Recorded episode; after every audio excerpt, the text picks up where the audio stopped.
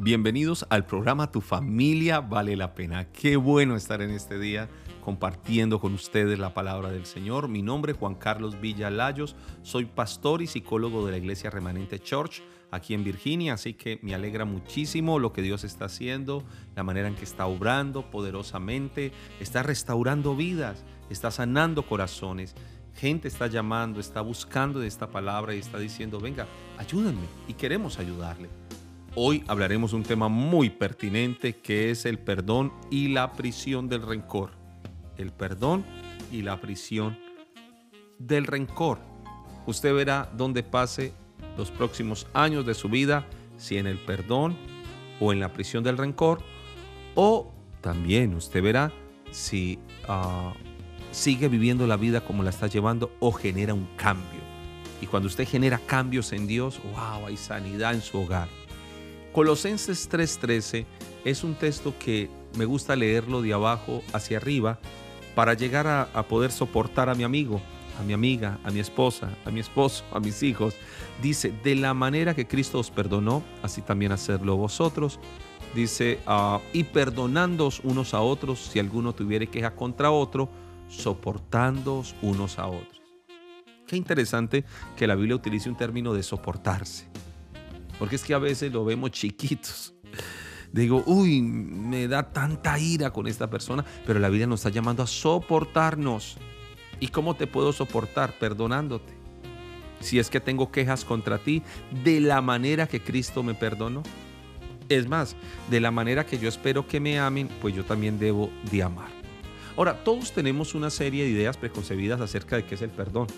Algunos me dicen, perdonar. ¿Qué se soluciona con eso? Después de lo que me hizo, eso, eso es imperdonable. Son las frases más, más comunes que se escuchan al respecto. Algunos ni siquiera quieren reconocer que tienen un problema de falta de perdón. Pero déjeme recordarle primera de Juan 1.8. Si decimos que no tenemos pecado, nos engañamos a nosotros mismos y la verdad no está en nosotros. Si confesamos nuestros pecados, Él es fiel y justo para perdonar nuestros pecados y limpiarnos de toda maldad. Si decimos que no hemos pecado, le hacemos a Él mentiroso y su palabra no está en nosotros. ¿Qué sientes cuando nombro el nombre de tu mamá o el nombre de tu papá o el nombre de ese amigo que te falló? ¿Qué sientes? ¿Habrá algo en tu corazón que debas hablar? ¿Que debas de sacar de allí? Porque está resentida, porque está resentido. Ahora, el perdón es el umbral, es esa puerta que nos permite saltar o avanzar por encima de los rencores y quedar libres para vivir con mayor paz, tranquilidad, que, ese, que ese estómago no se inflame más, que, que ese corazón pueda funcionar bien. Por otro lado, de acuerdo a las investigaciones médicas, perdonar le hace mucho bien a la salud física. Ahora, cuando logras perdonar, cuando logras sentir esa sensación de liberación, ah, trae tanta sanidad. En Lucas 7:47 dice, por lo cual te, te digo que sus muchos pecados le son perdonados porque amó mucho, mas aquel a quien se le perdona poco, poco ama. En efecto, los datos indican que quienes se empeñan en no perdonar son más propensos a morir de enfermedades cardíacas que las personas que deciden perdonar y liberarse. La palabra perdonar tiene dos vocablos, per y donar. Per es perder, donar es ganar. Pierdes cosas que realmente no necesitas, como la ira, el enojo, la venganza, pero ganas el amor, el gozo, la paz del Señor en tu corazón. Recuerde que hay dos pecados imperdonables. Uno de ellos, muy interesante, porque dice Marcos 11:26, porque si vosotros no perdonáis, tampoco vuestro Padre que está en los cielos os perdonará vuestras ofensas. ¿Entiende eso? ¿No perdonas? Dios no te perdona. ¿No perdonas? Todo está retenido. Haga el intento. ¿Tiene usted finanzas retenidas? ¿Tiene usted, ah, se siente estancado? Empiece a perdonar a ese jefe que no, no honró tu trabajo a esa esposa o esposo, a esas personas que has mantenido cautivas en su corazón. Inicia en este día perdonando. Diga, voy a perdonar a partir de ahora perdono, bendigo y libero. ¿Sabe cuánto estrés genera la falta de perdón? ¿Sabe que genera dolores, uh, espasmos musculares, úlceras y genera también debilitamiento del sistema inmunológico? ¿Sabía usted que esa predisposición suya a estar constantemente con gripas e infecciones tiene que ver con la falta de perdón? Fruto de ese resentimiento y esos pensamientos de, venganza que lo único que le hacen es ver más viejo cada día. Ahora, tal vez para muchas personas no esté bien entendido de qué se trata el perdón. En realidad, perdonar no significa aceptar cualquier cosa que el otro haya hecho como maltrato, la violencia o la deshonestidad. Tampoco le estoy pidiendo que reprima el enojo, hacer como si nada pasada, pasara o perdonar porque sentimos lástima de la otra persona porque es un tonto, no tiene remedio, ¿no? Tampoco le estoy invitando a que se convierta en amigo de su enemigo o de, aquel victimario, no.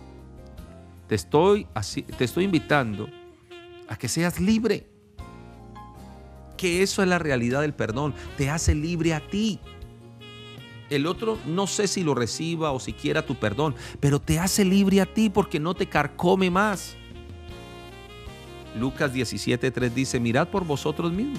Si tu hermano pecare contra ti, repréndele. Y si se arrepintiere, perdónalo. Y si siete veces al día pecare contra ti y siete veces al día volviere diciendo me arrepiento, perdónalo.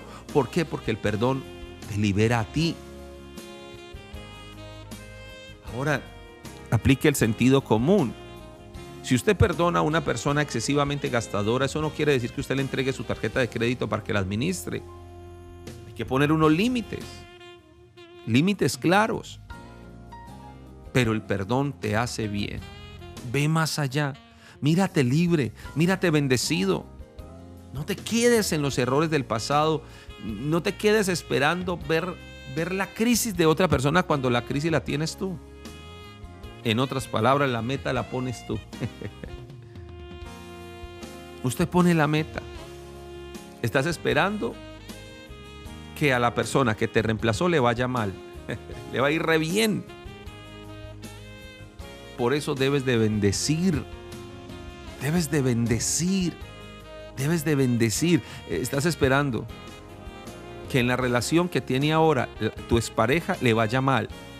No, no, no, no, no, señores. Bendiga, libérese. Cuando usted bendice y se libera, a usted le va a ir muy bien. ¿Sabe qué traerá el Señor a su vida? Sanidad, traerá medicina, los te curará, te revelará abundancia de paz y de verdad. Eso dice Jeremías 33, 6. ¿Sabe que hay algo que desgasta enormemente su energía? La rabia, el odio, el rencor son emociones que te desgastan. Como muebles envejecidos e inútiles, ocupan un espacio valioso que necesitamos recuperar. Yo les muestro otro camino mejor. Yo les muestro en este, en este día el camino del amor, que te bendice a ti. Ahora el amor es sufrido, claro. Muchas veces cuando amamos tenemos que decidir amar por encima del error del otro, claro. Pero ame sin envidia, Ame sin aplastar al otro. No sea soberbio ante su esposa o esposo. No haga lo indebido. Busque ayudar, busque aportar a la relación. Pilas con el rencor, con estar irritado todo el tiempo. Gócese, pero de la justicia, no de la injusticia. Gócese de la verdad. Ese camino del amor hace que abandones el rencor. ¿Sabes qué vas a aliviar? La ansiedad y el estrés. Esos cambios generan cambios de pensamiento. A veces, ahora, la pregunta es por qué a veces nos es tan difícil dejar de estar enojados y mantener, por qué nos, nos cuesta dejar ese rencor. Porque nos parece que obtenemos algo al aferrarnos a ese odio, porque no queremos perder cuando la verdad te estás arruinando. No vas a perder, te vas a liberar. Job 5.2 dice, al, al necio lo mata la ira y al codicioso lo consume la envidia. No seas necio, que eso te puede llevar a la muerte. Hay personas que aprendieron a estar enojados como forma de adquirir poder y dominio. ¿Sabe qué, qué esconden debajo de esa ira? Impotencia, desilusión, inseguridad y miedo. Sin embargo, cuando estás en Cristo, cuando estás en Cristo te puedes liberar de esa falta de perdón. Aún debes de perdonarte a ti mismo, a ti misma. Dios no te ha puesto para ira. Primera de Tesalonicenses 5:9 dice que Dios no te ha puesto para ira, sino para alcanzar salvación. Dios no te ha puesto para que juzgues a otros. Déjame darte una palabra para cerrar este programa. Es mejor elegir estar en paz que tener la razón. Es que ganaste la discusión, la ganaste, ¿verdad? Pero perdiste el hogar. ¿De qué te sirvió? Santiago 3:13 dice, ¿quién es sabio y entendido entre vosotros? Muestre por la buena conducta sus obras, en sabia mansedumbre. Pero si tenéis celos amargos, pleitos en tu corazón, no te jactéis ni mintáis contra la verdad, porque esa sabiduría no es la que desciende de lo alto, sino que es terrenal, animal y diabólica. Porque donde hay celos, donde hay contención, allí hay perturbación y toda obra perversa. Pero la sabiduría que es de lo alto es primeramente pura, después pacífica, amable, benigna, llena de misericordia y de buenos frutos, sin incertidumbre ni hipocresía. Y el fruto de justicia se siembra en paz para aquellos que hacen la paz. Dios te está sembrando paz. Dios te está sembrando paz. Dios te está sembrando paz. Si usted está enojado por algo que ocurrió en el pasado, pregúntese de qué le sirve el enojo hoy en día. Pregúntese de qué le sirve mantener esa ira ahí cuando el Señor realmente quiere liberarte. Si no está mejorando tu vida, no se detenga en esa ira, en esa falta de, perdón. Al sufrir lo que usted sufrió, probablemente es normal que los sentimientos de rabia se alberguen en tu corazón. Pero en este momento es necesario que usted renuncie a eso y diga, no más, no más, no más, esto me está destruyendo sigues soltera y no porque no hayan pretendientes. Es que lo único que ministras es odio y te mantienes hablando de tus relaciones pasadas. Nadie quiere construir una relación con alguien que se mantiene hablando de sus amores pasados, del marido pasado. Nadie. Por eso es necesario traer una restauración de, de familia. La Biblia dice en Proverbios 15, 18, el que es iracundo promueve contiendas. El que es, el que es paciente las apacigua. Proverbios 21, 19 dice, mejor es morar en tierra desierta, en el desierto del Sahara, que con mujer rencillosa e iracunda. De verdad, se te volvió tu vida una, una ira permanente. Se te volvió tu, tu vida una ira permanente. Mire, perdonar requiere práctica, hay que tomar la decisión, tener el deseo, asumir el compromiso, repetirlo muchas veces, perdono, bendigo y libero, perdono, bendigo y libero. Usted no se imagina la sanidad que eso va a traer a su vida. Así que en este día declárelo y diga, perdono, bendigo y libero en el poderoso nombre de Jesús. Perdono, bendigo y libero. Voy a entrar en este proceso de restauración, de restitución. Voy a llamar a esa persona, la bendigo, la perdono y la libero. Eh, usted me diría, pastor, pero es que ya se murió la persona. ¿Se murió? Bueno, ¿sabes qué debes de hacer? Cuando estés orando, perdonar, dice la palabra. Ahí está, pastor, es que esa persona vive en otro país, de donde yo vengo bueno, aquí y no tengo forma de contactarla en la oración, sí. La perdono, la bendigo, la libero. Oh, Señor, perdóname por todo el mal que yo le hice a esa persona.